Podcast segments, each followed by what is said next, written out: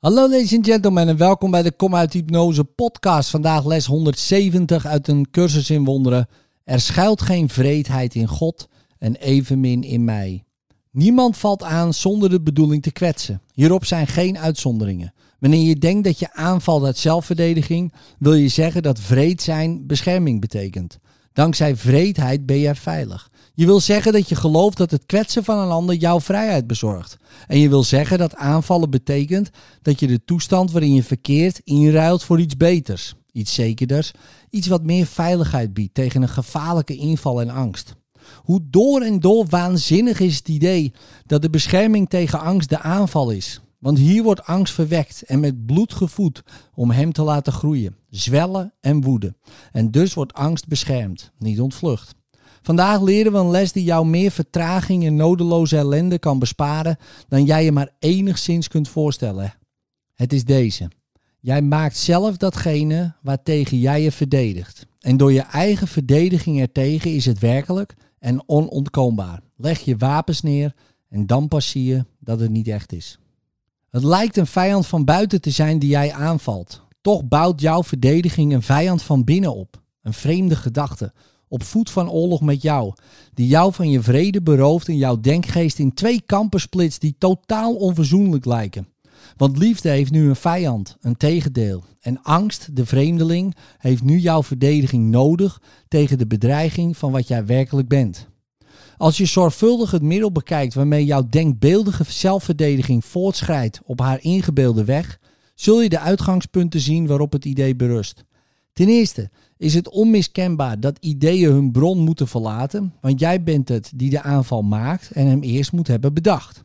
Maar je doet een aanval buiten jezelf en scheidt jouw denkgeest van hem die moet worden aangevallen. In het volmaakte vertrouwen dat de scheiding die jij gemaakt hebt werkelijk is. Vervolgens worden de eigenschappen van de liefde aan haar vijand toebedeeld. Want angst wordt jouw veiligheid en de beschermer van jouw vrede, waartoe jij je wendt voor troost, voor ontsnapping aan twijfels over jouw kracht en voor hoop op rust in droomloze stilte. En terwijl liefde beroofd wordt van wat haar en haar alleen toebehoort, wordt ze begiftigd met de eigenschappen van de angst. Want liefde zou jou vragen alle verdedigingen als louter dwaasheid af te leggen. En jouw wapens zouden zeker tot stof vergaan, want dat is wat ze zijn. Met liefde als vijand wordt vreedheid onherroepelijk een god. En goden eisen dat zij die hen aanbidden hun bevelen gehoorzamen en het niet wagen die te betwijfelen. Vredestraf wordt meedogenloos uitgedeeld aan hen die vragen of de eisen redelijk of zelfs maar zinnig zijn. Hun vijanden zijn er die onredelijk en krankzinnig zijn, terwijl zij altijd barmhartig en rechtvaardig zijn. Vandaag kijken we gelijkmoedig naar deze vrede God. En we merken op dat hoewel zijn lippen met bloed zijn besmeurd en vuur hem aan alle kanten schijnt uit te slaan, hij slechts van steen is gemaakt. Hij kan niets doen. We hoeven zijn kracht niet te trotseren. Hij heeft er geen. En zij die in hem hun veiligheid zien, hebben geen beschermer. Geen kracht om bij gevaar een beroep op te doen. En geen machtige strijder die voor hen vecht.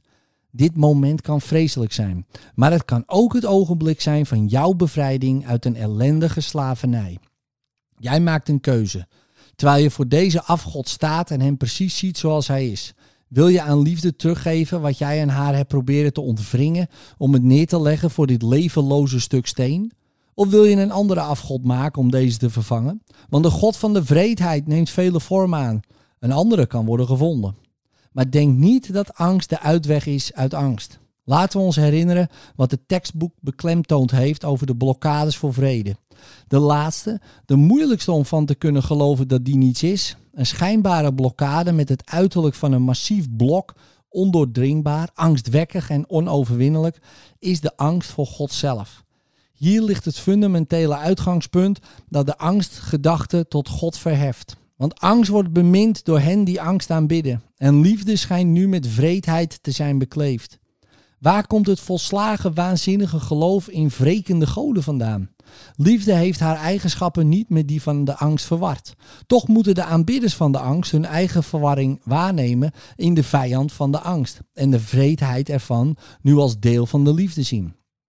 En wat wordt dan angstwekkender dan het hart van de liefde zelf? Het bloed schijnt op zijn lippen te staan. Het vuur slaat hem uit. En hij is vreselijk zonder weerga, onvoorstelbaar vreed en slaat alle neer die hem als hun God erkennen. De keuze die jij vandaag maakt staat vast. Want jij kijkt voor het laatst naar dit stuk gebeeldhouwde steen dat jij hebt gemaakt en noemt het niet langer God.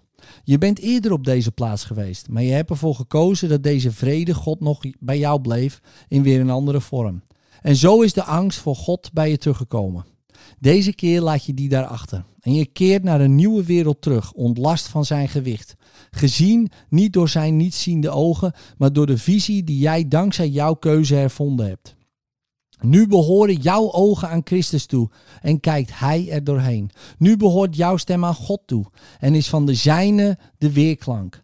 En nu blijft jouw hart voor eeuwig in vrede. Je hebt Hem verkozen in plaats van afgoden.